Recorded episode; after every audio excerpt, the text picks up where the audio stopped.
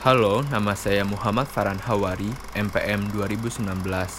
Di sini saya akan sedikit bercerita kesan dan pesan saya selama mengikuti rangkaian Sadia Garua 2020.